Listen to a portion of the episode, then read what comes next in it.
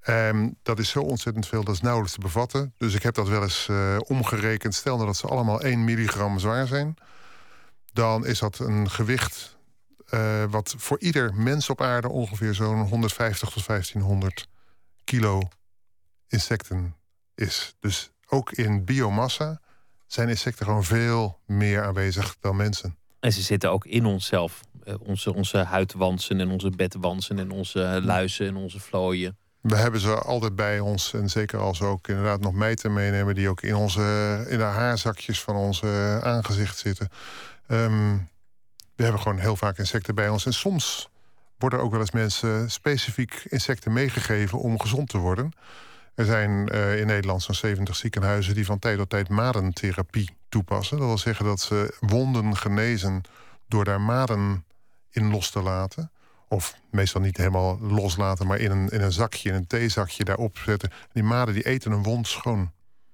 Nou, werkt heel goed, toch? Je moet alleen even niet kijken. Het lijkt me niet zo'n fris gezicht. Maar... Het werkt heel goed en het is zeer effectief. En ik, uh, ik heb ook uh, verhalen van mensen die zeiden... nou, ik had dat eerder moeten doen. Insecten mogen ook allemaal dingen die uh, andere diersoorten niet mogen. Bijvoorbeeld van geslacht wisselen zonder operatie. Ja. besluiten van nu ben ik het mannetje, nu ben ik het, het vrouwtje. Of, of jezelf voortplanten met alleen jezelf als, als uh, bedpartner. Het zijn allemaal, ja, allemaal zijn, leuke gadgets. zijn dingen die gebeuren. En er zijn insecten die zich geslachtsloos voortplanten. Um, de insecten kunnen zelf ook bepalen of ze moeder van een zoon of een dochter worden. Uh, tenminste, een heel aantal insecten kan dat. insecten kunnen inderdaad een heleboel dingen waar wij alleen maar van kunnen dromen. Dat maakt de insecten fascinerend. De cultuur, daar, daar is het eigenlijk, voor zover ik weet, maar, maar u heeft zich erin verdiept daar worden ze meestal toch gewoon gezien als, als plaagdieren. Dat hangt een beetje vanaf welke cultuur we daar kijken. Um, uh, in de cultuurgeschiedenis zie je dat vanaf de oude Grieken... dat vlinders bijvoorbeeld een heel positief beeld hebben. En de oude Grieken die waren gefascineerd door de metamorfose van rups naar vlinder. En die zagen dat echt als iets... Nou ja, daar, daar, kwamen, daar kwam een heel nieuw organisme uit zo'n rups via die verpopping... En dat waren dus niet twee soorten. Dat was één soort met zulke verschillende gedaanten. De vlinder, dat was echt iets dat, dat associeerden ze met het hiernamaals. En die rups met het, met het leven hier op aarde. En ze gaven dus ook vlinders. Uh, ja, dat werd een symbool voor de ziel. En zo loopt er dus een rechte lijn van, van de oude Grieken naar het hedendaagse fenomeen vlindermeisje. Er zijn dus uh, een bepaald genre meisje, zou je het kunnen noemen, die, die een hele kamer heeft behangen met vlinders. Of, of vlinders in de vorm van sieraden, uh, tatoeages, noem maar op. Vlinders hebben nog steeds die enorme positieve associatie. En ook in de kunst zie je dat vlinders altijd gebruikt worden om een positieve boodschap mee te geven. En dat zie je ook nog in de literatuur, waar soms, uh, als er iemand overlijdt, dat er soms een, een vlindertje in het verhaal ook uh, langs vliegt of zo. En uh, Le Papillon, dat was het, het, Franse boek van een man die steeds weer wist te ontsnappen. En die, die als het ware negen levens had in de criminaliteit en daarbuiten. In, in de film is het, is het vaak toch zo dat, dat het insect eng is. Een film uit 1958 hebben we een fragment van en die heet Black Scorpion. Het is een film waarin schorpioenen een kwalijke rol spelen.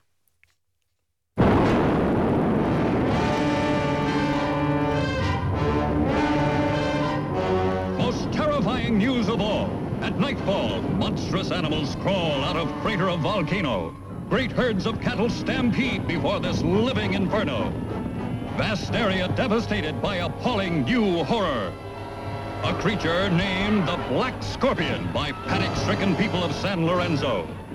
Entire population prays for deliverance. For miles around, cowboys came upon one dead steer after another. One of them had heard the tale of the demon bull of the Maricopa. Having lost family or friends, something absolutely unknown. He could be in another world. Nation's leaders confer as news received a possible threat to capital. This is a city of four million people. If word of these leaks out, the panic of the population could be worse than the scorpions. The Black Scorpion destroys communications.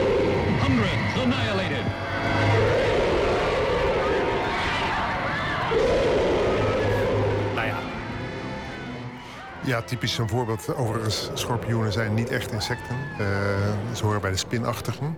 Acht poten en geen zes poten natuurlijk. Precies. Maar voor de rest is dit typisch een Hollywood horrorfilm. Uh, je hoort het aan, aan alle geluiden. Uh, de wereld vergaat, want er zijn nou ja, in dit geval schorpioenen... die zo groot zijn en zo vernietigend. En koeien. Uh, nou ja, het is meestal in die Hollywoodfilms, die horrorfilms... Het begint in een heel lieflijke setting en alles is pijs en vree. En er gebeurt iets waardoor insecten meestal heel erg groot worden... En dat kan zijn doordat er een kernbomtest gedaan is... of omdat er chemisch afval is. Of iemand in een laboratorium heeft zitten spelen. Precies.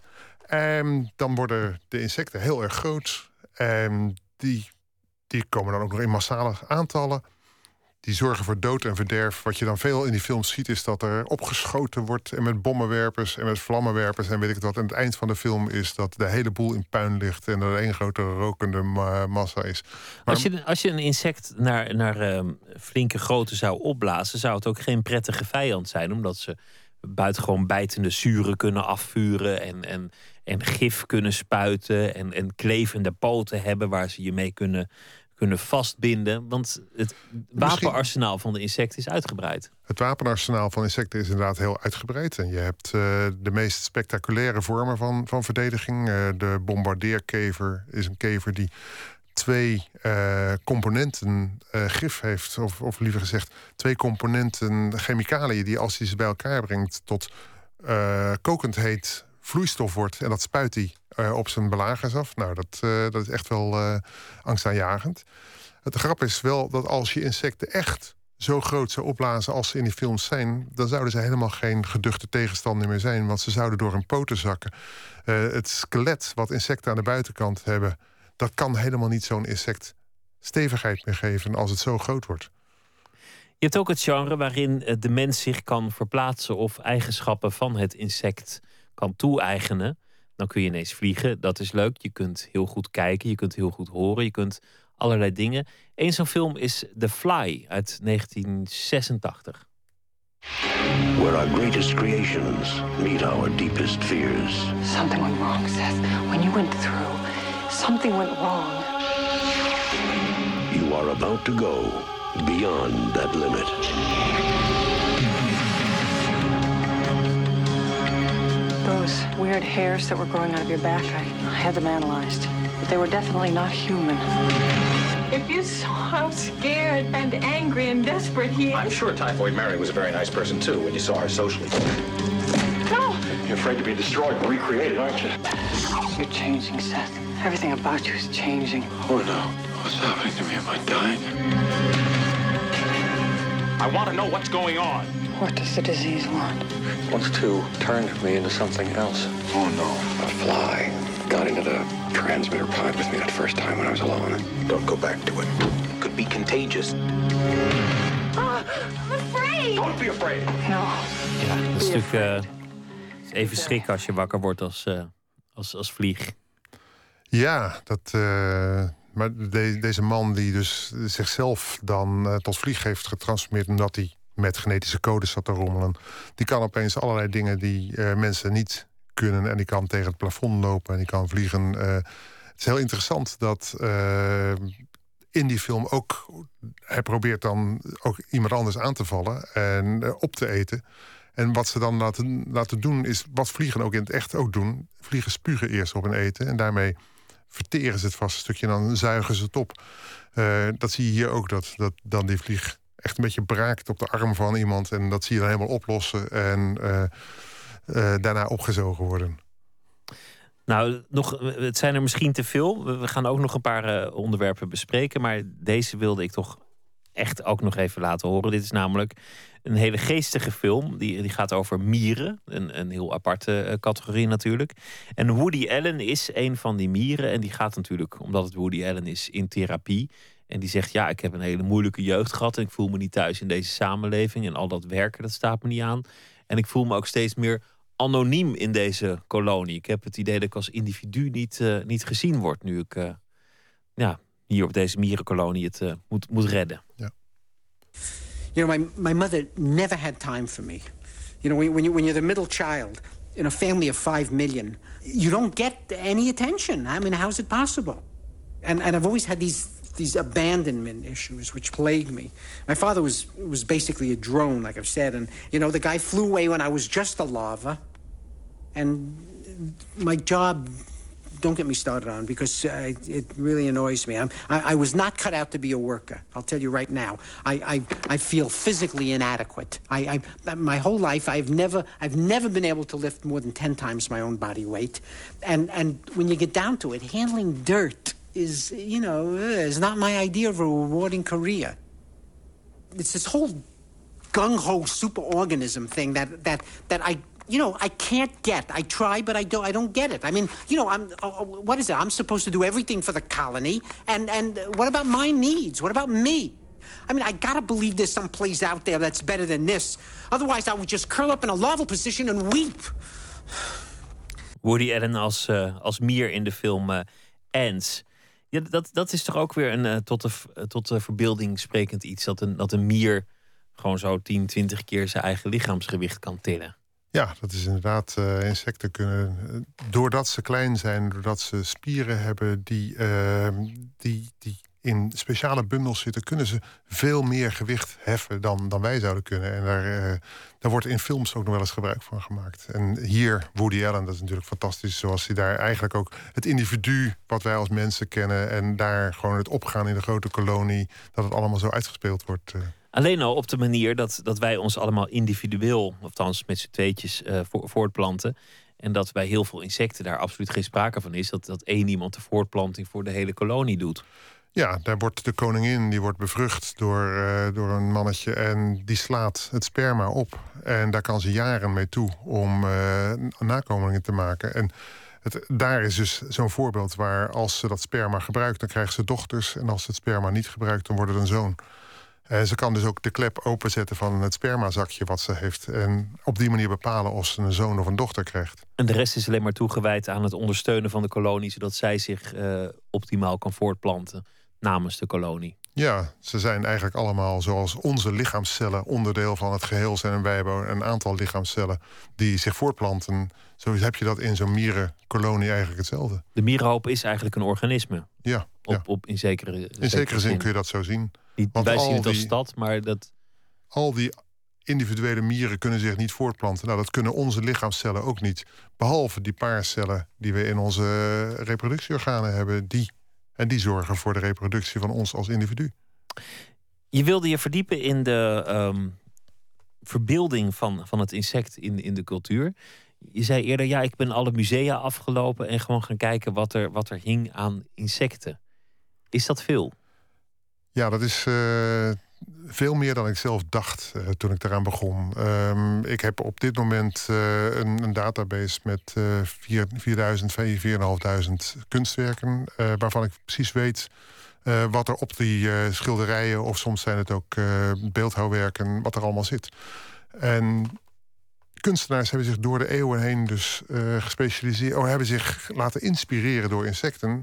En niet overal uh, in gelijke mate. Er zijn duidelijk een aantal pieken te zien. Um, een belangrijke piek is in de 17e eeuw, in met name het noordwesten van Europa. En een tweede piek is rondom uh, het surrealisme en ook later in de 20e eeuw en, en, nu nog steeds. De 17e eeuw is dat omdat je dan mooi kan schilderen, omdat je aan een insect kan laten zien hoe goed je de penseel kunt hanteren? dat is een van de onderdelen. Mensen konden inderdaad op die manier laten zien hoe goed ze konden schilderen. En heel precies die kleine beesten die, waar ze nog nauwelijks, eh, bedoel, van Leeuwenhoek moesten microscopen nog ontwikkelen, konden ze al beginnen om die insecten te schilderen. Maar ze hebben daar ook duidelijk een symbolische betekenis. Uh, je ziet ze heel veel in die tijd op uh, stillevens, bloemstillevens. We noemen ze ook bloemstillevens. Nou, er zijn bloemstillevens waar meer dan 100 insecten op zitten. Dus je zou het ook nog wel een insectenstilleven kunnen noemen. Um, daar zitten die. Elke bloem en elk insect heeft een bepaalde uh, symbolische functie. En bij de insecten is dat heel veel dat er insecten zijn die op die, die uh, als vliegen, bijvoorbeeld, die voor de kortheid van dit bestaan als verderf, uh, bederf gezien worden. Maar rupsen of sprinkhanen ook gezien worden als, als ja, vernietigend. En, en het aardse leven wordt daarmee afgeschilderd. Terwijl vlinders en libelles, die, die daar dan ook boven vliegen, vaak witte vlinders, die worden dus weer als het symbool van het leven na dit leven gezien. Mensen uit de 17e eeuw die zo'n schilderij zagen, die zagen daar heel wat anders in dan dat wij tegenwoordig zien. En het surrealisme, ja, dat is natuurlijk omdat het een absurde wereld is van het insect. Ja, dat, uh, je kunt daarmee in feite dingen doen die, uh, die je in je gedachten ook hebt. En Salvador Dali is een van de meesters daarin. En die, uh, die was eigenlijk heel erg bang voor insecten. Maar hij heeft ze ongelooflijk veel afgebeeld. En hij was ook heel erg bang voor de dood. En die, die, dat, dat had een soort afstotende werking, maar ook een aantrekkende werking. En hij heeft heel veel mieren geschilderd, maar ook sprinkhanen. En soms ook op in poses uh, dat ze ook maar vier poten hebben. Dus dan begint het menselijk idee ook al naar voren te komen. Jan Fabre was niet zo lang geleden hier uh, te gast in dit uh, programma. Dat is, dat is iemand die amateur-entomoloog is, maar ook beeldend kunstenaar en ook heel veel andere kunstvormen doet. Die gebruikt insecten letterlijk in zijn kunstwerken, gewoon als, als materiaal.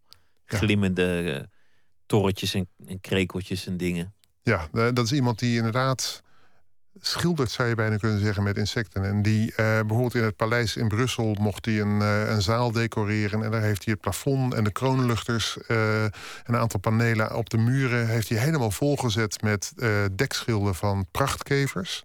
dat zijn kevers die groen-blauwachtig zijn. En afhankelijk van de lichtinval is het meer groen of meer blauw. En hij schildert ze dus met die kleuren. En hij maakt dan patronen in zijn werk ook.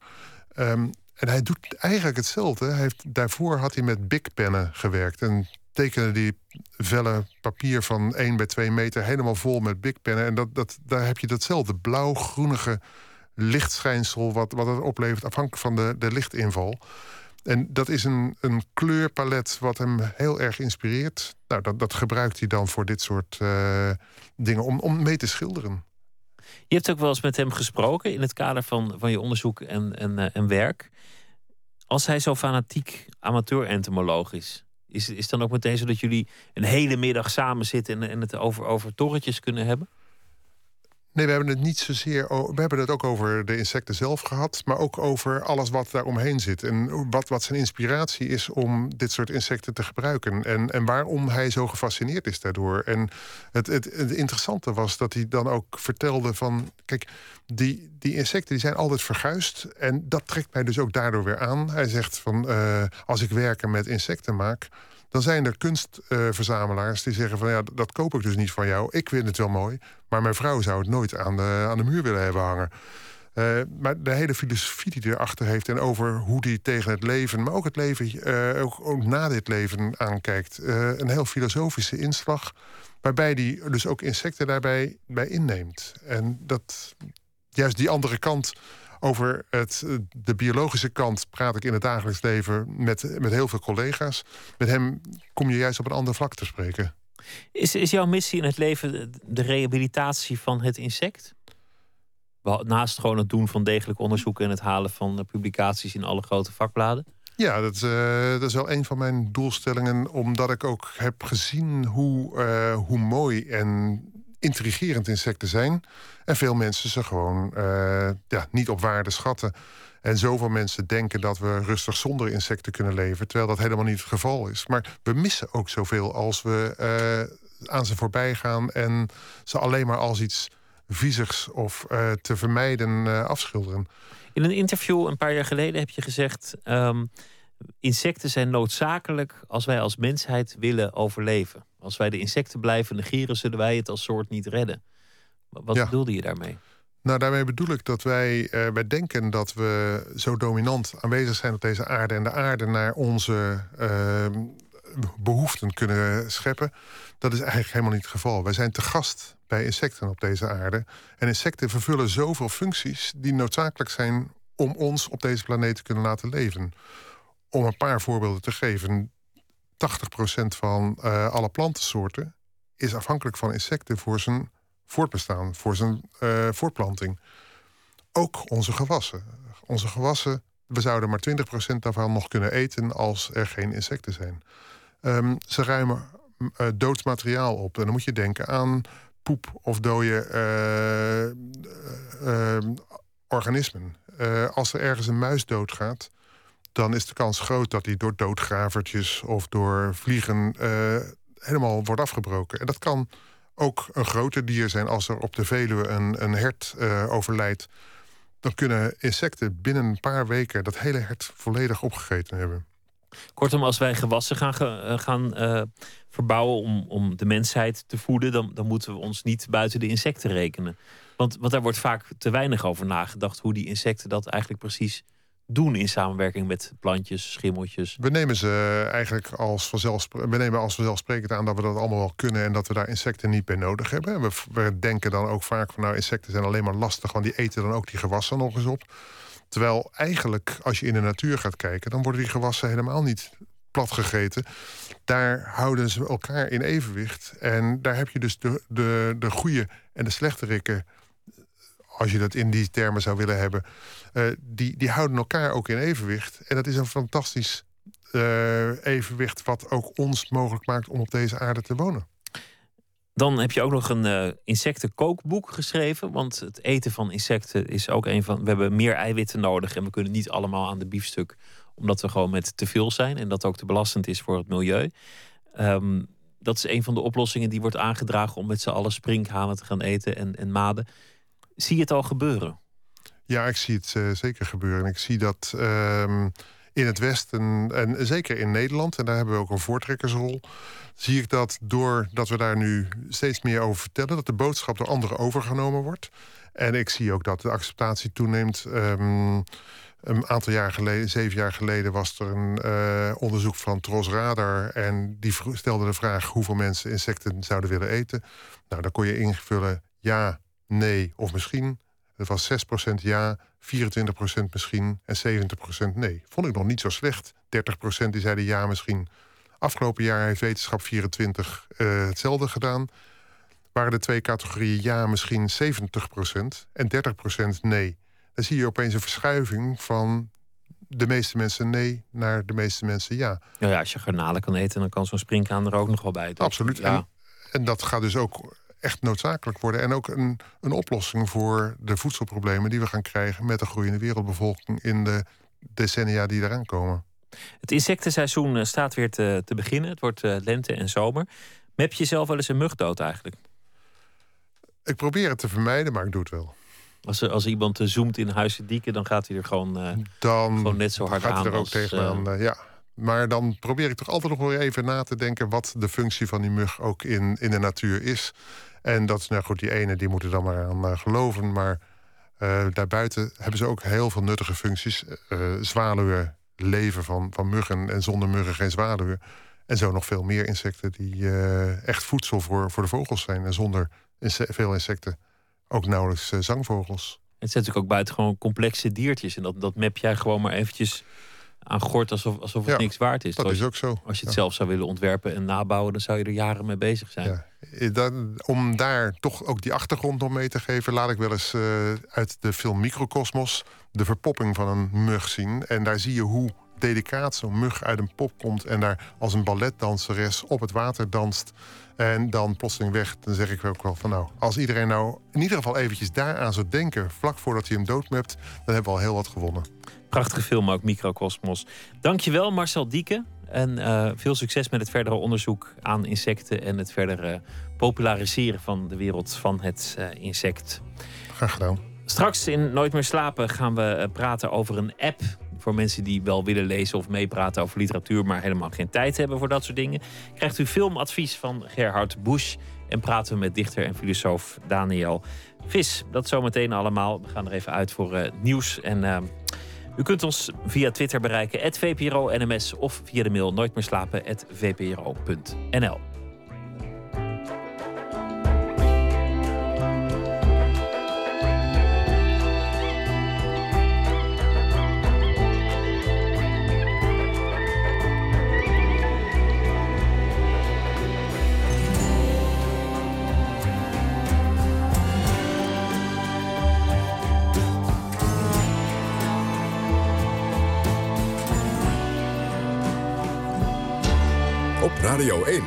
Het nieuws van alle kanten.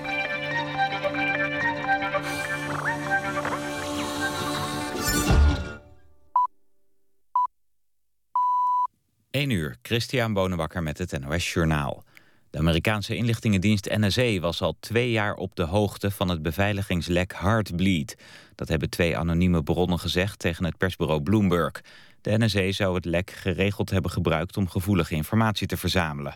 Het Heartbleed-lek zit in de module OpenSSL... die veel websites gebruiken om vertrouwelijke informatie... zoals wachtwoorden te versleutelen. Door het lek kunnen hackers die informatie ontcijferen. De NSA zou daar in stilte dankbaar gebruik van hebben gemaakt. De dienst zelf ontkent dat met klem... en zegt ook pas deze maand van het lek te hebben gehoord. Premier Rutte verwacht dat er volgende week een financieel akkoord is over de langdurige zorg. Dat zei hij in het Radio 1-programma Met het oog op morgen. Sinds begin deze week wordt er onderhandeld over de begroting voor volgend jaar. De discussie gaat onder meer over de vraag of de gemeenten voor hun nieuwe zorgtaken tijdelijk extra geld krijgen of blijvend. De politie van Sittard heeft twee leden van motorclub Satudara gearresteerd... nadat in hun woningen wapens waren gevonden. Bij huiszoeking vonden rechercheurs onder meer een handvuurwapen en een automatisch vuurwapen. Een van de mannen uit Sittard moest ook nog een gevangenisstraf van 15 dagen uitzitten. De bouw van het WK-stadion in Sao Paulo is weer hervat. Na het werk werd begin deze maand stilgelegd na de dood van een bouwvakker die acht meter naar beneden viel. Er zijn nu veiligheidsnetten geplaatst en daardoor kan er volgens de arbeidsinspectie weer veilig worden gewerkt. In het stadion in Sao Paulo moet op 12 juni de openingswedstrijd van het WK worden gespeeld tussen Brazilië en Kroatië. De bouw ligt achter op schema, zo moeten er nog duizenden stoeltjes worden geplaatst. In november kwamen al twee bouwvakkers om het leven toen een hijskraan bij het stadion omviel. Het weer, vannacht mogelijk nevel en mist, minima rond 3 graden. Komende dag van tijd tot tijd zon, maar in het westen eerst nog grijs. Wordt 12 tot 16 graden. Tot zover het NOS Journaal. ANWB Verkeersinformatie. Een afsluiting, de A2 Maastricht richting Eindhoven. Die is dicht tussen Roosteren en Echt. En dat gaat naar verwachting de hele nacht nog duren. En dan nog een file op de A4, Delft richting Amsterdam. Tussen Leidsendam en Zoeterwouderdorp staat 3 kilometer door wegwerkzaamheden. En dat was de verkeersinformatie. Radio 1. VPRO. Nooit meer slapen.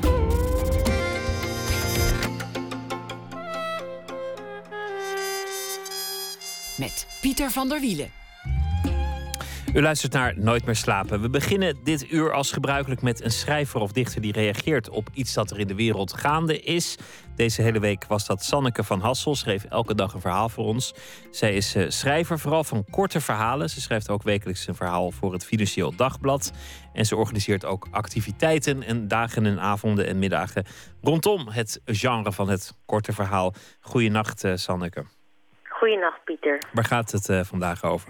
Uh, vandaag uh, gaan we naar Zeeland. Daar was het even spannend, omdat een veerverbinding, een voetveer... tussen Vlissingen en Breskens met opheffing bedreigd is. Het zou niet meer rendabel zijn. Het is, in 2003 heb je de Westerschelde-tunnel gekregen. En toen zijn de auto's...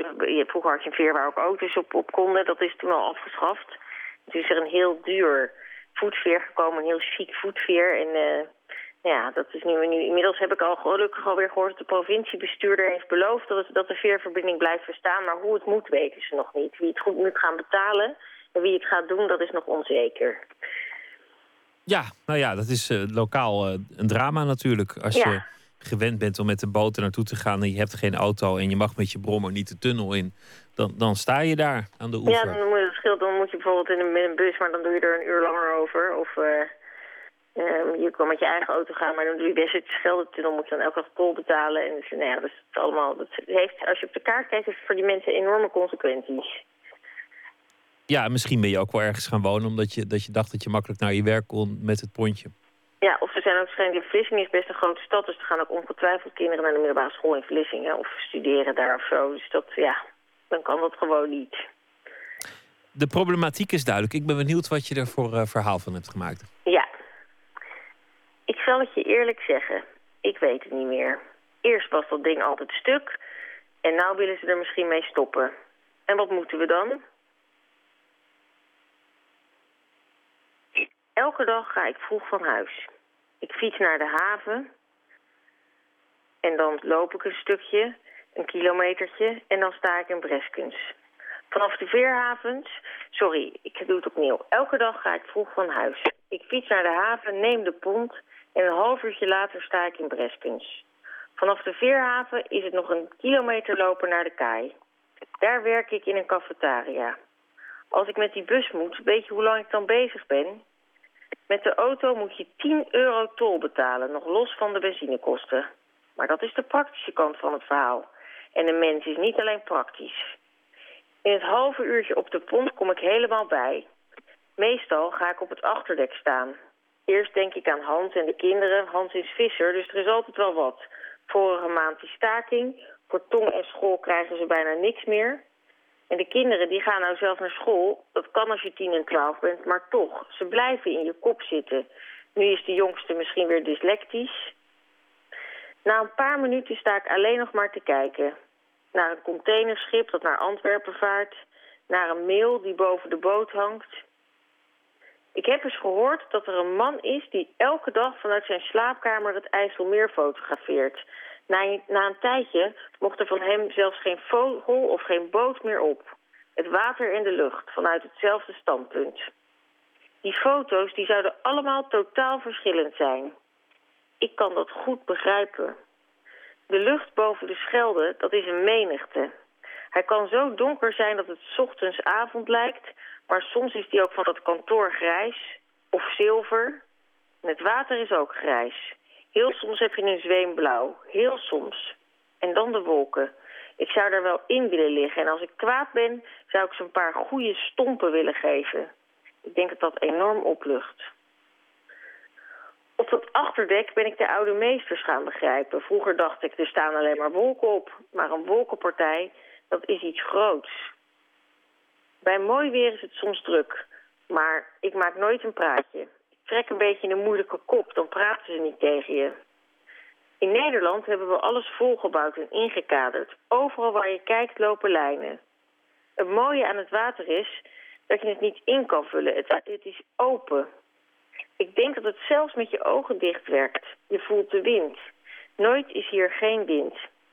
En weet je wat pas mooi is? Mist. Dan ben je echt even helemaal nergens. Je moet wel een dikke jas aan, maar dan kan je gewoon naast me komen staan, voelen hoe het is. Als het veer niet meer gaat, zal ik in Vlissingen werk moeten zoeken. Maar ik hoop dat het zo'n vaart niet loopt. De provincie zal ons wel moeten helpen met die krimp. Anders zitten we straks allemaal weer op ons eigen eiland. Zo, heel even dacht ik dat het een heel kort verhaal zou worden. Je, je viel even stil en toen... En wat moeten we dan? Ik dacht dat was dan het kortste verhaal dat je, dat je ooit geschreven hebt. Hoe kort kan een verhaal eigenlijk worden? Wat, wat is je kortste verhaal dat je ooit geschreven hebt? Um, dat is denk ik iets van vijf, vijf zinnen. Maar er zijn, er zijn ook verhalen van... Je hebt ook van dat mensen die echt verhalen schrijven... ongeveer de lengte van een tweet. Hè? Dat is zelfs een soort sport. Slash fiction. Maar dat heb ik nooit bereikt. vijf zinnen, vijf, iets van vijf zinnen is denk ik mijn kortste verhaal. Dat is echt geweldig. Nou ja, ja. in, in, in de, de kortheid kan ook een soort, uh, soort charme zitten bij het, uh, bij het verhaal. Het hoeft, niet, het hoeft niet allemaal proest in, uh, in uh, zoveel delen te zijn. Nee, dit is, nee je, hebt, zelfs, je hebt Lydia Davis, die schrijft ook zinnen van uh, de verhalen van één regel. Helaas kan ik niet goed citeren, anders zou ik er nu één. Maar dan moeten mensen maar opzoeken. Die heeft echt fantastische, grappige verhalen. Die zijn één regel. Of een titel met nog twee woorden daarna. Ga jij ooit iets heel lang schrijven? Omdat dat, ik heb je aangekondigd aan het begin van de week als de koningin van het korte verhaal. Maar jeukt het niet om een keer gewoon een heel dik boek te schrijven? Nou, ik heb nu het afgelopen jaar dus elke week een verhaal geschreven. Nou, deze week vijf, maar ik heb, ik heb er nu wel zin in. Want je moet je toch elke keer, zoals vandaag, was ik toch de hele dag bezig met Vlissingen. En hoe ziet het daar dan uit en wat doen ze daar? En, en, en, en heel erg, en ik had zelf een keer, ben ik, heb ik daar verbleven, heb ik nog aantekeningen van teruggezocht. Dus je verdiep je toch elke keer helemaal in een wereld. En uh, ik krijg het vanzelf, het is ook wel goed, want ik was eigenlijk begonnen aan een roman, maar door, die, door dat financieel dagblad, door die, dat ik elke week verhaal moest schrijven, liep dat helemaal spaak. Maar ik krijg nu vanzelf behoefte aan iets langers. Dat je, dat je een keer in, bij één stem kan blijven, dat is het denk ik vooral. En dat je een onderwerp natuurlijk ook ja, verder uit kan diepen. Of ja, dat je, je kan, in, in een roman kan je ook makkelijk meer verhalen, meer personen tegenover, meer personages tegenover elkaar zetten. Dus dit soort opdrachten er ontstaat vanzelf de wens aan iets langers. Nou ja, dat is toch een mooi thema ook voor een heel dik boek. Een, een eigenaar van een veerpont waar toevallig net een brug of een, of een tunnel is gebouwd. Ja, stiekem denk ik dan toch weer een heel veel korte verhalen, want dan denk ik toch dat het heel mooi is. Ik denk nu meteen erachteraan, dat het is dan mooi om het perspectief te doen van iemand die elke dag met die pont moet.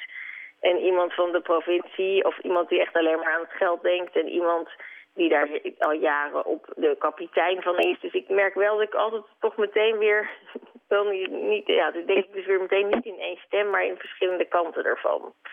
Nou ja, de, de Great American Novel over het uh, pontje van Breskens lijkt me geweldig. Ik vond het heel leuk uh, dat je het wilde doen en dat je elke dag een, uh, een, een, mooi verhaal voor ons hebt geschreven. Heel erg bedankt. En veel succes met wat je verder gaat doen. En voor nu een hele goede nacht. Dank je wel. Dank je wel. Goeie nacht ook. Sanneke van Hassel was dat. We gaan luisteren naar Corinne Bailey Ray. Are You Here?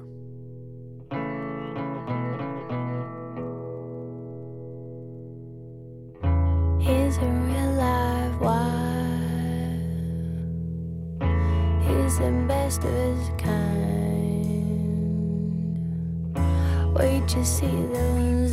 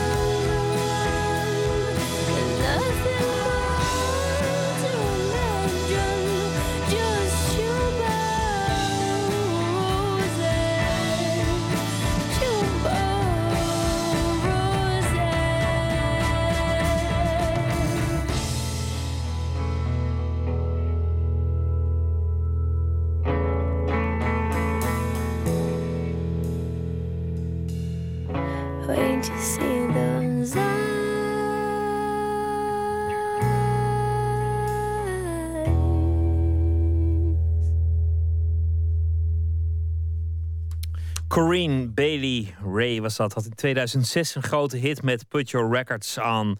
En daarna volgde een uh, album waarop dit nummer stond: Are You Here?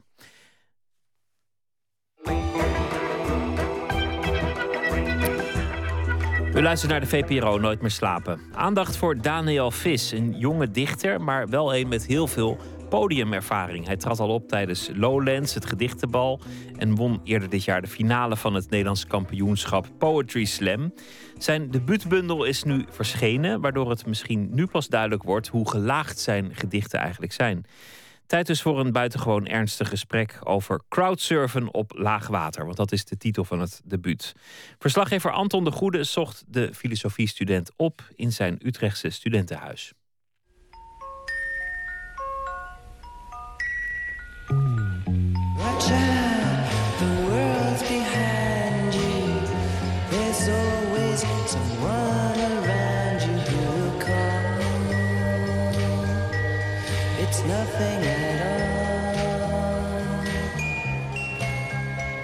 Ja, met de muziek van The Velvet Underground. Watch out, the world's behind you. Woorden uit Sunday Morning. En dat is tevens Watch out, the world's behind you. Het motto van jouw bundel, Daniel Vis.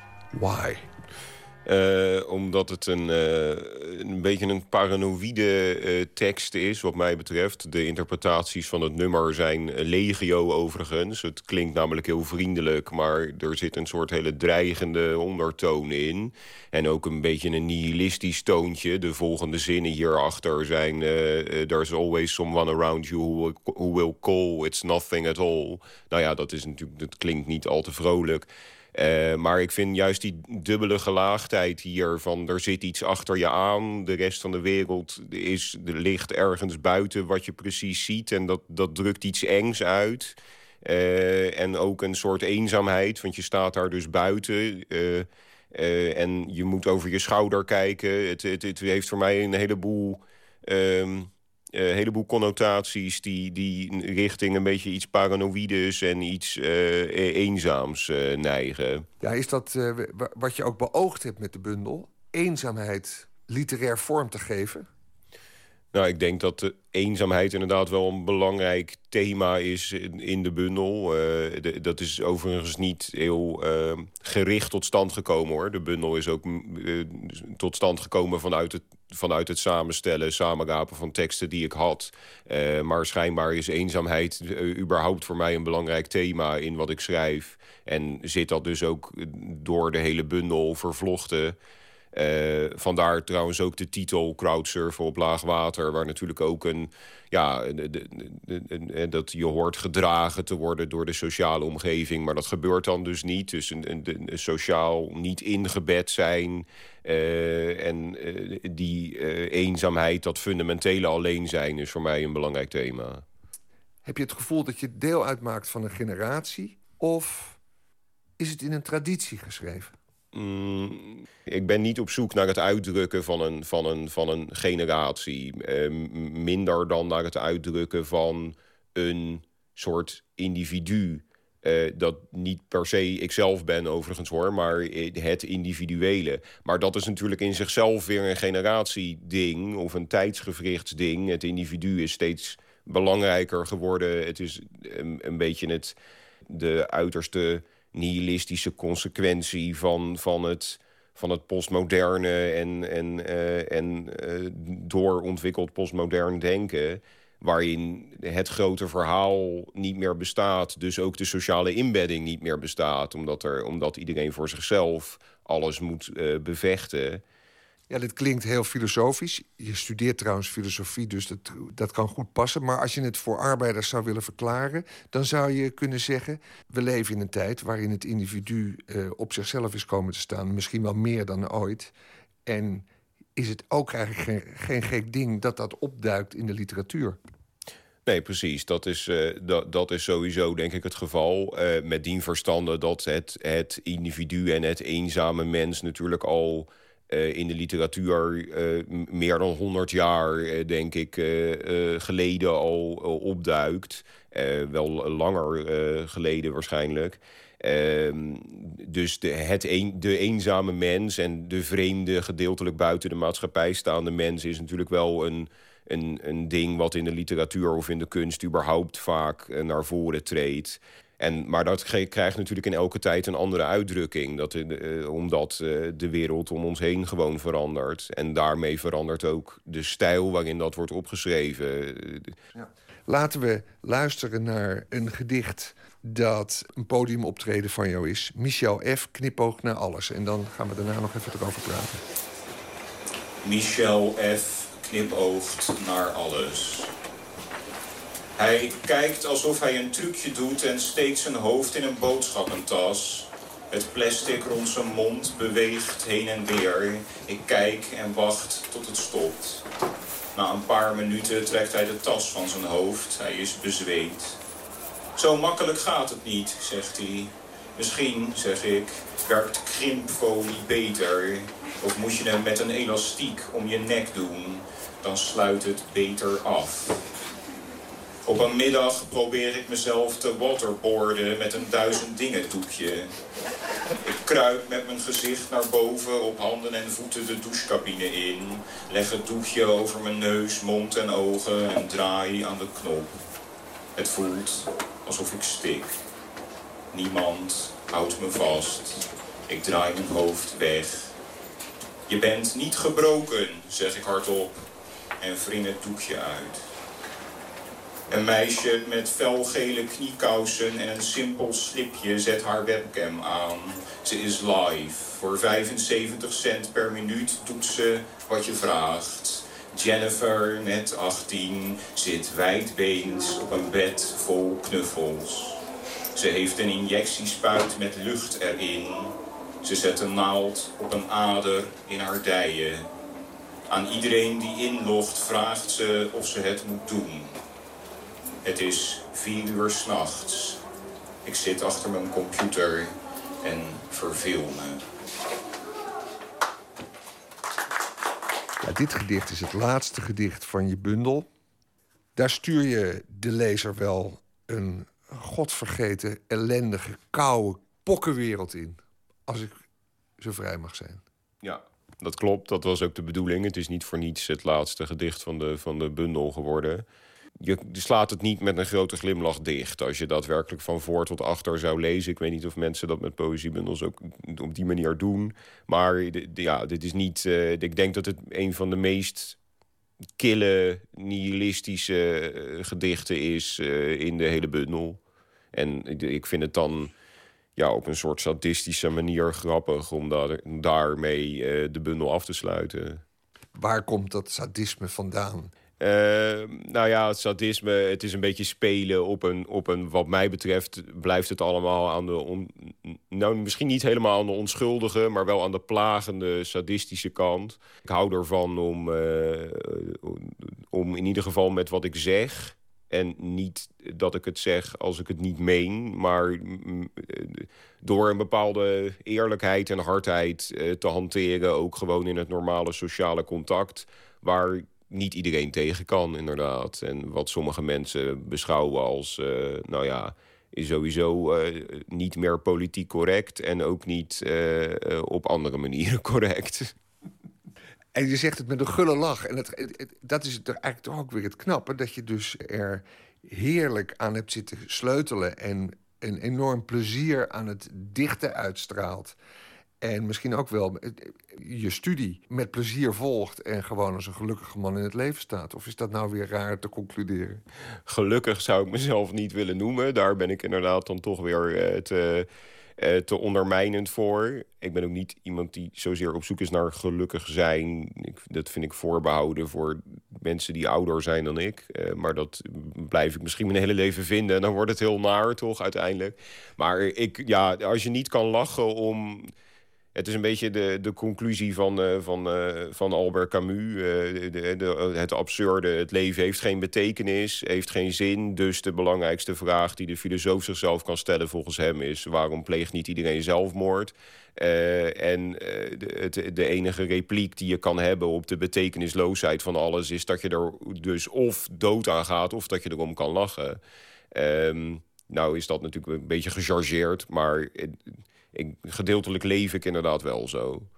Ja, want wat is jouw antwoord op die filosofische uitspraak van Camus... dat we allemaal eigenlijk in ons kistje zouden kunnen gaan liggen... omdat het allemaal zo'n absurde bende is?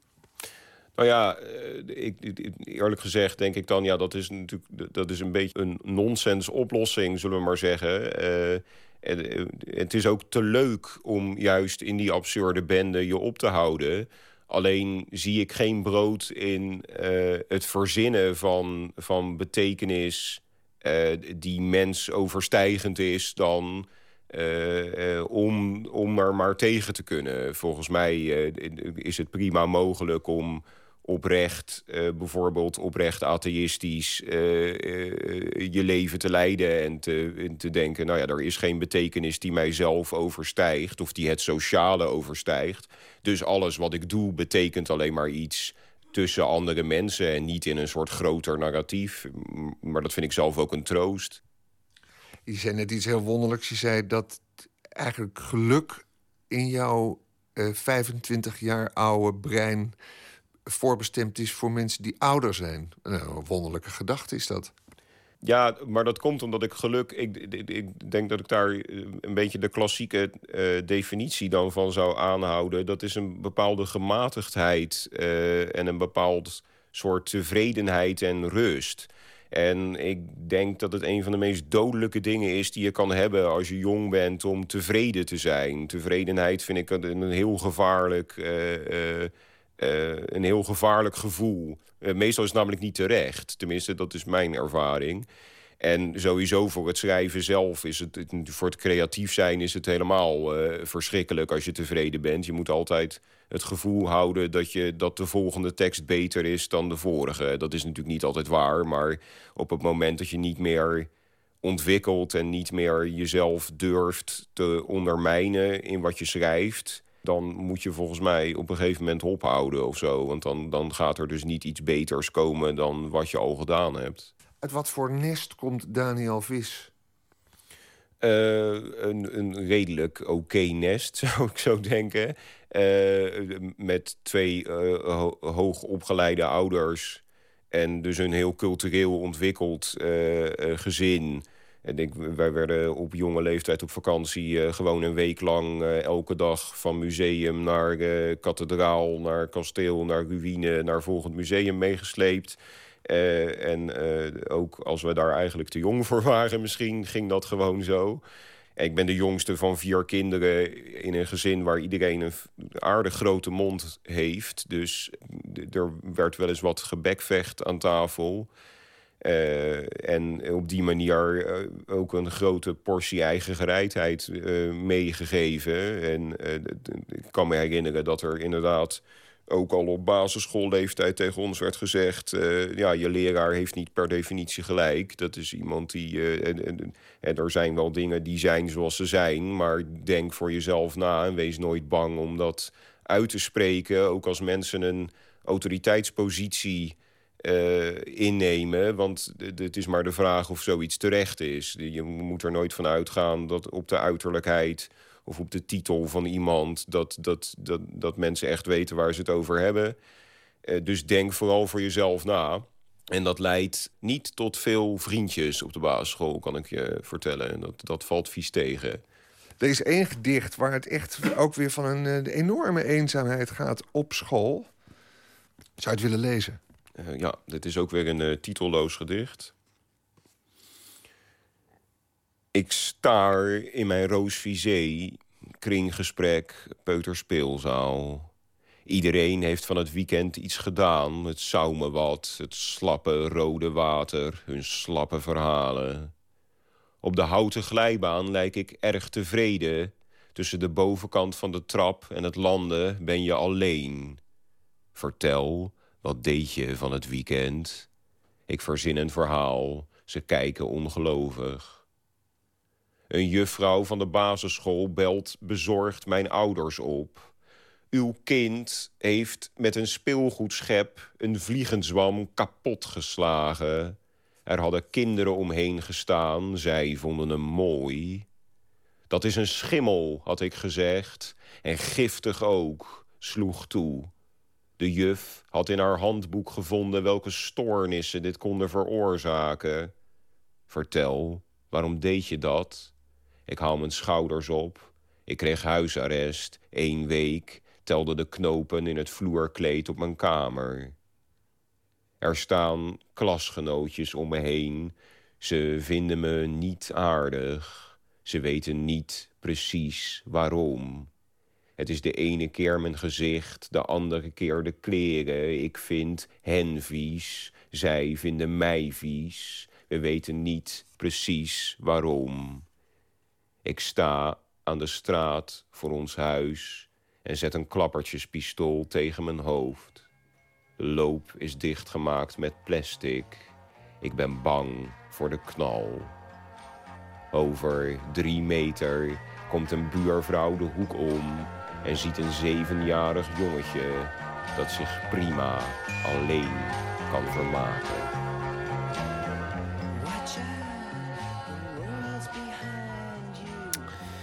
Tot zover de jonge dichter Daniel Vis over zijn debuutbundel Crowdsurfen op laagwater, verschenen bij uitgeverij Prometheus.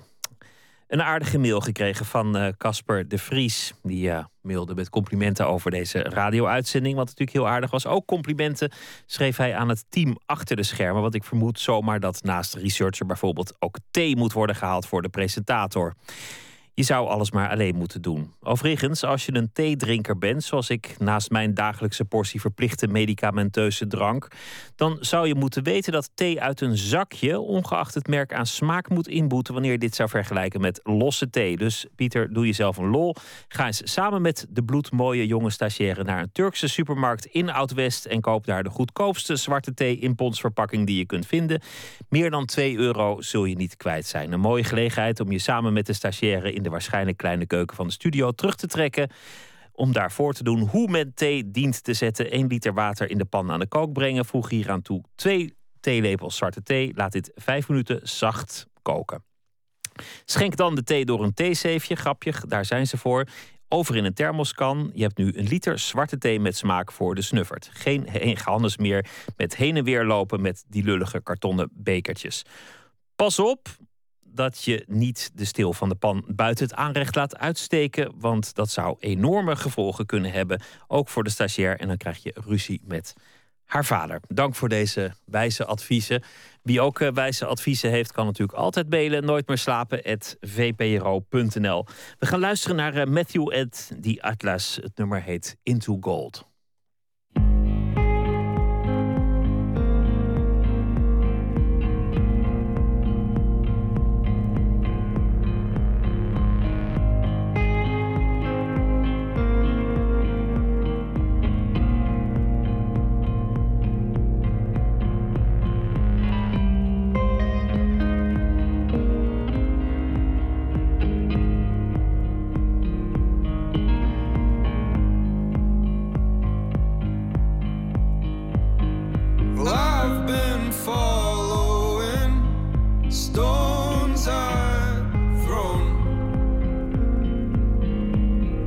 I cannot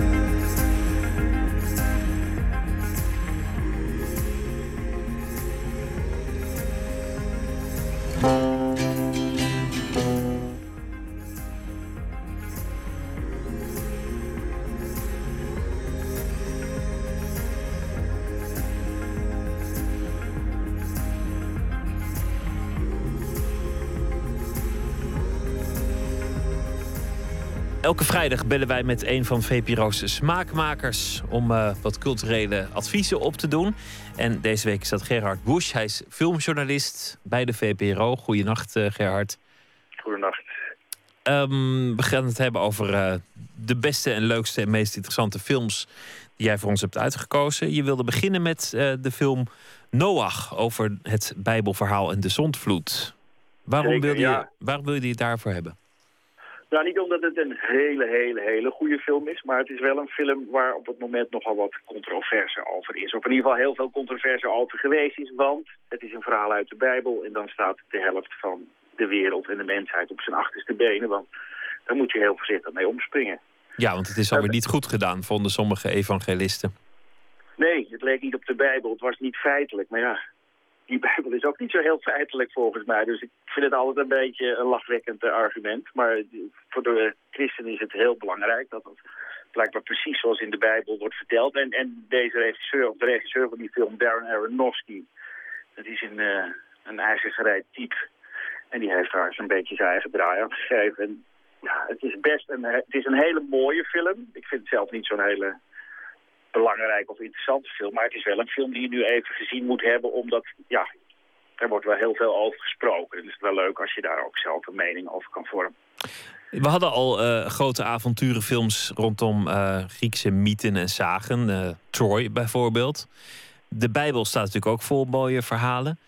Is dat de reden of is het gewoon omdat ze dachten... goh, misschien een hele nieuwe doelgroep onder christenen?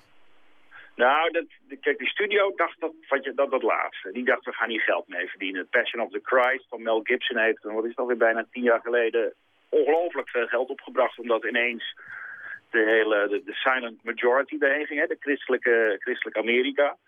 En ze dachten, nou, misschien kunnen we dat hier ook doen. Maar eh, dat was, zo dacht de regisseur in ieder geval niet. Het is voor hem een heel persoonlijk verhaal met, met zelfs nog een modern tintje. Want het is een heel soort eco, ecologisch waars, ecologische waarschuwing. Hè. Het is eh, een soort van global eh, warming, waardoor het water eh, gaat... wat is het? Ja, ja, de mens die zijn leefomgeving heeft vernield... en daarom moet vluchten. Een heel hedendaags thema eigenlijk.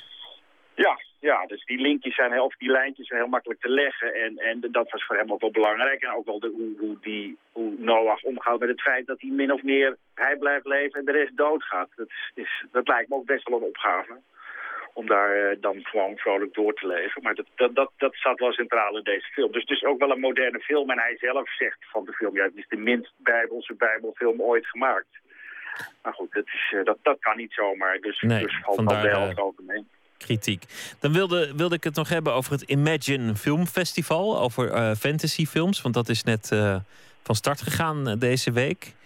Ehm, Is dat interessant? Heb je iets interessants gezien daar?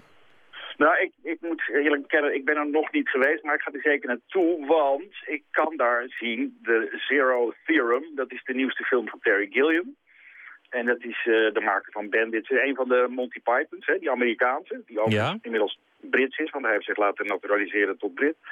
Maar die eh, ook eh, de beste van, qua regisseren, wel de beste van eh, de, de Pythons was. En hij heeft hele mooie films gemaakt. Brazil, Thailand, Time Bandits beetje, ja, het zijn altijd wel hele rare films en dat is deze ook. En hij is zelfs zo raar dat ze de film hier in Nederland niet gaan uitbrengen. Dus dat is een extra reden om Imagine te gaan lijken. Ja, en het is natuurlijk ook heel erg hip, hè? Met Lord of the Rings en Game of Thrones. En de, de fantasy-wereld is nog nooit zo eh, populair geweest. Eh, nee, klopt. Eh, en dan hebben we nog de vampieren en de horror waar altijd naar gekeken wordt door een, vaste club mensen. Nee, dat is... als je eens een keer gewoon wil gaan naar, naar, naar gelijke, onder naar films wil kijken waar je meestal een beetje op wordt uitgelachen, dan is Imagine een ideaal festival.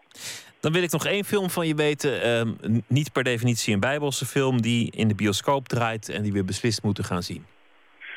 Nou, het is een kleine film eh, waar ik wel even op wil wijzen die volgende week, wat is het, volgende week donderdag uitgaat. Tom à la ferme van eh, Xavier Dolan. Dat is een 25-jarige Canadees, net 25 geworden. En dit is al zijn vierde film.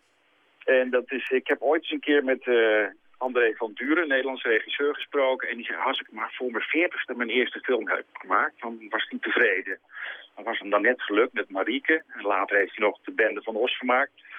Eh, veel later trouwens. Eh, maar deze jongen, deze Canadese jongeman, die maakt gewoon bijna elk jaar een film. En eh, hij is al een paar keer mee naar Cannes geweest. En, en hij heeft zelfs waarschijnlijk in Cannes, wat er ook weer aan staat te komen, weer een nieuwe film. Dus het kan heel snel en, en dan ook nog heel goed. En Tom à la Ferme is een, is een beetje broeierige film over een jongen die naar de boerderij gaat waar zijn eh, minnaar woonde. Die is overleden. En dan komt hij daar en dan ontdekt hij dat A, niemand weet dat hij bestond. Eh, en B, niemand wist dat, eh, hun, de, de moeder wist niet dat ze, haar dochter dus ook homo was en een vriendje had. Dus dan wordt het tamelijk broeierig en spannend en zelfs wel een beetje eng. Interessant voor een film. Kan zit er weer aan te komen, zei je. Dat is, eh, wanneer, wanneer begint het filmfestival in Cannes eigenlijk? Het begint half mei of iets, ietsje eerder. Maar eigenlijk begint het volgende week, want de 17 april, dan wordt bekend wat de competitiefilms zijn. En dat is, eh, dat is altijd heel spannend voor de journalisten. Nou, wens ik je daar heel veel eh, plezier bij. En dank voor dit moment, eh, Gerard Busch van Cinema.nl en de VPRO-gids. En een prettig weekend. Dank. Jij ook. Hoi. Na jaren een solo-carrière te hebben gehad, bundelden de singer-songwriters Michael Trent en Carrie Ann Hurst hun krachten. Shovels en Rope werd de naam van het duo. En wij draaien het liedje Carnaval.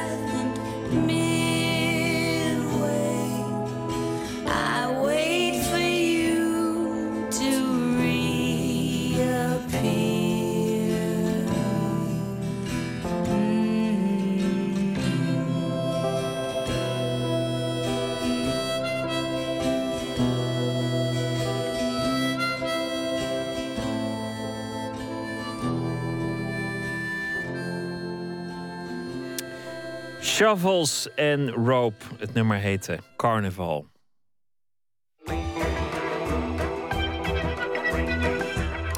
U luistert naar Nooit meer slapen.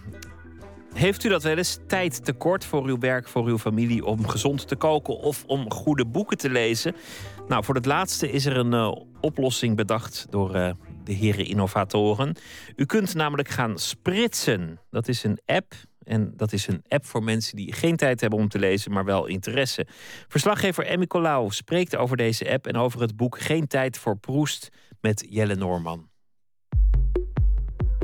Welkom bij Spritsing. We beginnen deze test met een snelheid van 250 woorden per minuut.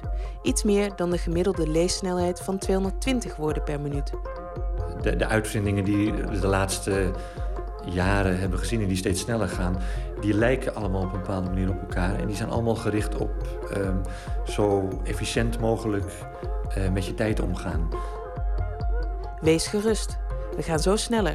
Er zijn al mensen die kunnen spritsen met een snelheid van 1000 woorden per minuut. Met die snelheid kun je een boek lezen van 1000 pagina's in 10 uur. Wat zou je wel niet kunnen doen als je je leessnelheid zou kunnen verdubbelen of verdriedubbelen? Het gaat eigenlijk om het gedaan hebben van dingen. Dus niet zozeer dat je bezig bent met, eh, met, met wat je in feite doet, het lezen of het eh, tot je nemen van het nieuws, maar zo snel mogelijk voor zorgen dat je dat gedaan hebt, dat het gebeurd is. Je zou meer tijd aan je geliefde kunnen besteden of je familie of je zou de Mount Everest kunnen beklimmen. We gaan nu over naar 600 woorden per minuut. Het kan nog veel sneller. We schrijven er nou met... Wat als je dikke boeken van Tolstoy, Proust of Dickens in één dag uit zou kunnen lezen? Zou dat niet fantastisch zijn? Hoeveel zou je dan niet kunnen lezen in je leven? Het is, als je het Amerikaanse bedrijf Sprits moet geloven, geen science fiction meer. Ze ontwikkelen momenteel een app waarmee je tot duizend woorden per minuut kan lezen. Maar levert dat ook wat op? Ehm, ik denk dat het toepassingen heeft. Ik denk dat je een boek hebt voor je studie en dat snel moet eh, lezen, eh, de inhoud snel tot je moet nemen, dat het misschien wel kan werken. Zo wordt het ook gepresenteerd. Ehm, of je voor je plezier leest, is natuurlijk iets anders. En ik denk dat het plezier van lezen juist is dat je het doet. En daar komt zoveel meer bij kijken dan eh, woorden tot je door laten dringen en eh, onthouden. Eh, ik kan me niet voorstellen dat je hier plezier aan beleeft. Op internet kun je het spritsen al uittesten. Jelle Noorman is schrijver en vertaler en deed dat. Wat ik ervan begrepen heb, is dat in plaats van hele zinnen te tonen, komen de woorden in beeld. En die komen op een bepaalde plek in het display in beeld. Eh, je begint met een oefentempo en daarna wordt het steeds sneller. En eh, die woorden zijn ook zo gesitueerd dat je ze onmiddellijk. eh, dat je ogen ze zo, zo gemakkelijk mogelijk kunnen registreren. Want bij gewone woorden die op een bladzijde staan, moeten je ogen eh, daarnaar zoeken. En daar zijn ogen niet erg goed in, volgens de makers. Afgelopen week debuteerde Jelle Noorman met de in dit verband treffende titel Geen tijd voor Proest. Over herinneren, echt beleven en tijd. Of beter gezegd, gebrek aan tijd. En natuurlijk over de schrijver Proest. Marcel Proust begon in 1909 aan zijn duizenden pagina's tellende romancyclus Op zoek naar de verloren tijd. Een van de grote meesterwerken uit de westerse literatuur. Veel mensen hebben die boeken wel in huis, maar slechts weinigen hebben ze ook uitgelezen. Jelle Noorman wel, meerdere keren zelfs, al was dat aanvankelijk met weinig enthousiasme.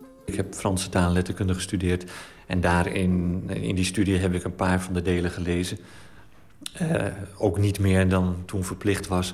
En ik was er ook op dat moment helemaal niet zo eh, van onder de indruk. Ik vond het voornamelijk erg lang, behoorlijk langdradig en soms wel leuk. Maar Proest is ook niet iemand die je per se op je twintigste moet lezen. Het gaat wel over dingen die eh, ook misschien wat meer levenservaring eh, vergen. Maar niet zo erg lang na mijn studie heb ik gedacht... ik wil dat toch eens een keer helemaal lezen.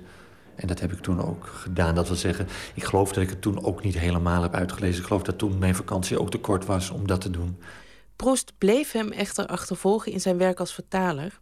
En uiteindelijk was het zijn uitgever die hem vroeg een boek over de Franse auteur te schrijven. Toen dacht ik, dat wil ik wel, maar dan niet iets over hem... maar echt over de thema's in die roman die mij aanspreken. En toen kwam ik op thema's die wat mij betreft ontzettend actueel en modern zijn... en uh, waar ik echt heel graag over wilde schrijven. En dat zijn? Ehm, dat zijn de, de kwestie van de tijd, uiteraard. eh, maar ook van het hele idee dat we daarin gevangen zitten. Dat wil zeggen, we zijn in onze tijd nog meer dan ooit bezig met eh, het inhalen van de tijd die we verloren hebben. Ehm, we zijn bezig met herinneringen ophalen. We leggen alles vast momenteel. Als we op feestjes zijn, dan moeten de foto's worden genomen. Maar ik zie momenteel in Amsterdam toeristen lopen met een camera voor hun neus die constant aanstaat zonder dat ze nog kijken naar wat ze hebben gezien. Dat wil zeggen dat ze zelfs op de plek zelf niet meer de dingen zien in het echt, maar alleen nog maar virtueel. En dat leggen ze vast om dat later te kunnen eh, terugroepen, om te laten zien: oh ja, in die tijd was ik daar. We lopen als een soort heigerige honden achter de tijd aan, omdat we zoveel moeten beleven, omdat er zoveel te doen is.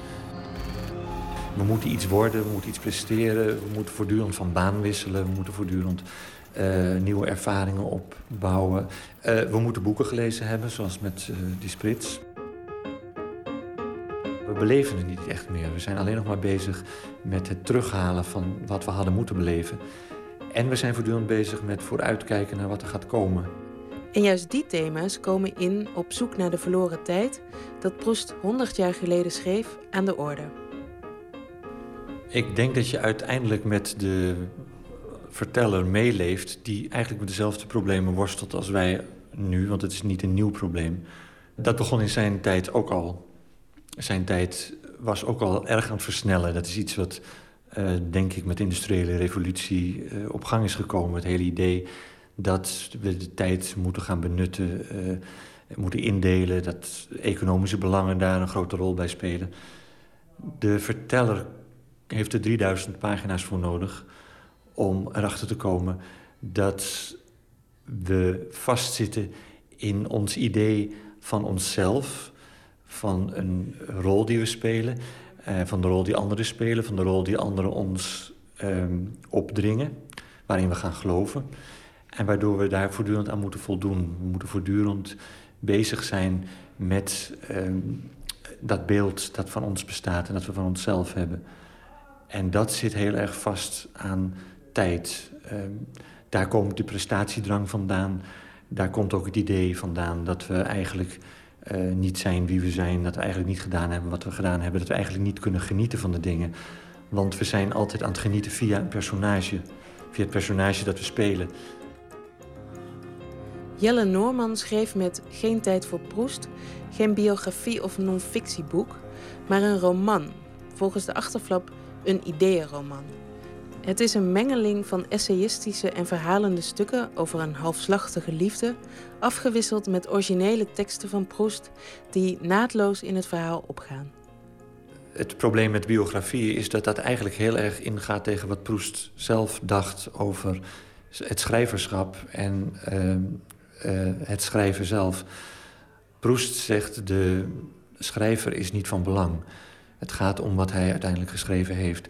En ik denk dat mensen die Proest nooit zullen gaan lezen... en nooit gelezen hebben, daar ook niet zoveel wijzer van worden... en misschien ook niet zo snel geïnteresseerd daarin zullen raken. Maar het ging mij, mij, mij er juist om dat uh, die ideeën die hij aandraagt in zijn roman... zo mooi verpakt zijn in een verhaal... waardoor je uh, ze langzaam uh, verovert, waardoor je ze eigen kunt maken. En dat heb ik geprobeerd te doen in een eigen verhaal... waarin die thema's die bij Proest voorkomen, naar mijn idee... Um, ook uh, naar boven komen drijven. Normans boek gaat, net als de boeken van Proest... vervolgens over tijd, herinneren... maar vooral over ervaren. Over dat probleem dat iedereen wel kent. Je zit in de tram of op de fiets... en je denkt alleen aan wat je nog moet doen... of wat je juist had moeten doen of had moeten zeggen... Intussen schijnt de zon op de roze lentebloesem en weerspiegelen de huizen prachtig in het water, maar dat ervaar je allemaal niet. Moderne zelfhelpboeken zouden zeggen: je zit niet genoeg in het nu. En daarbij is het niet alleen het gebrek aan tijd dat ons in de weg zit, want zelfs als we heel hard proberen die omgeving te ervaren, gebeurt er iets vreemds. Als wij uh, uit de tram naar buiten kijken, en we willen daar echt van genieten, dan zijn we ons daar op een hele rare manier ook weer van bewust. Dan denken we, oh ja, ik zit nu uit de tram te kijken en nu moet ik genieten. Het is natuurlijk al heel oud, dat, dat probleem, dat we daar niet los van kunnen komen. Maar dat is wel de idee, dat we loskomen van die gedachten over onszelf. Dat beeld dat we van onszelf hebben, dat we eh, op een niveau komen waarin we niet meer vanuit dat personage kijken, maar vanuit iets wat daarachter ligt. En wat dat is, ja, eh, boeddhisten mediteren daar eh, hun hele leven op. En in andere religies komt dat natuurlijk ook voor. Maar het is iets natuurlijk wat. Het is een vraag die bij de mensheid hoort. Maar helpt lezen je dan tegen? Bijvoorbeeld die boeken van Proest. Nou, ik denk dat het niet genoeg is eh, als je dat leest en denkt van... oh ja, dat is interessant en zo zit het. Maar dat is natuurlijk het mooie van boeken. Alle echte boeken en alle echte kunst gaan allemaal over hetzelfde. En daarom is het ook zo belangrijk dat boeken en kunst eh, gemaakt blijven worden. Omdat dat de instrumenten zijn waarmee we steeds weer naar onszelf... en naar dat grotere geheel waarvan we deel uitmaken worden teruggebracht. Lezen dus om beter te ervaren. En daar dan het liefst de tijd voor nemen en niet met duizend woorden per minuut. Dan kan er wel nog een ander probleem opduiken. Kunnen al die boeken niet weer in de weg gaan staan? Dat je in de tram zit, naar de bloeiende bomen kijkt en denkt... Proest zou nu zeggen... Ja, nou ja, Proest zei daar ook over.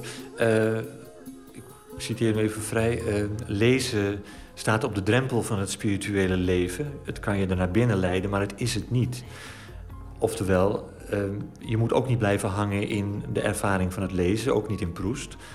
Eh, het zijn handreikingen. Het echte werk begint zodra je het boek hebt weggelegd, zodra het boek uit is.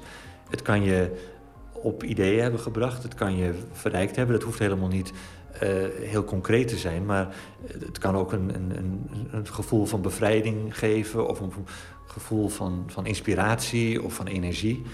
Ehm, waarna je dat boek ook achter je laat. Je moet ook niet blijven hangen in boeken. Boeken zijn ook maar dingen. Films zijn ook maar dingen. Kunstwerken ook. Ze zijn er niet als objecten. Ze moeten er ook niet zijn als objecten. Je mag een boek ook gewoon eh, één keer lezen, weggooien en nooit meer aan denken. Maar het gaat er juist om wat gebeurt als je met zo'n werk in aanraking komt. Lukt het jou nu om dingen echt te ervaren? Om die boom beschenen met dat mooie zonlicht, om die echt te ervaren op dat moment? Nee, dat lukt me te weinig. Dat lukt me niet zo vaak als, als ik dat zou willen. Uh, maar ik ben er wel al van bewust. Uh, of ik al. Ik, ik, ik ben me er bij vlagen van bewust uh, hoe het werkt. En op het moment dat je doorziet hoe het werkt, sta je ook aan het begin van de mogelijkheid om daar iets aan te doen. En ik zou liegen als ik zei dat ik heel erg uitgebalanceerd uh, en, en creatief voortdurend leef. Dat is niet zo. Ik zit ook met, met identiteit en met uh, nou ja, alles, het hele verhaal van mijn leven. En de verwachtingen die ik van mezelf heb, omdat ik denk dat andere mensen verwachtingen van mij hebben.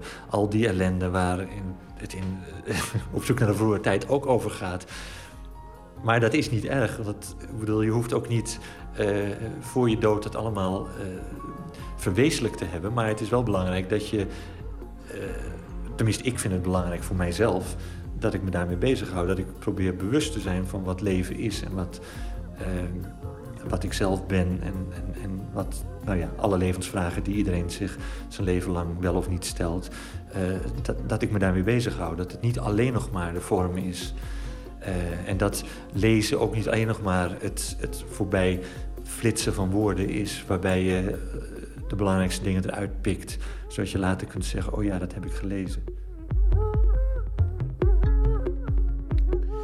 Emmy Colau zat in gesprek met Jelle Noorman over de app Spritsen en over zijn boek Geen tijd voor Proest. Nooit meer slapen is maandag terug na middernacht. En dan komt Peter Paul Verbeek langs. Hij gaat praten over de techniek en de mens en hoe die twee steeds meer met elkaar verweven raken. En uiteindelijk misschien wel één zullen worden. Straks uh, meer uh, VPRO op Radio 1. Floortje Smit komt dan uh, nog tot het ochtendgloren met het programma Woord. met eh, allemaal mooie oude fragmenten. Ik wens u nog een hele goede nacht en een eh, leuk weekend. En graag tot eh, maandag na middernacht.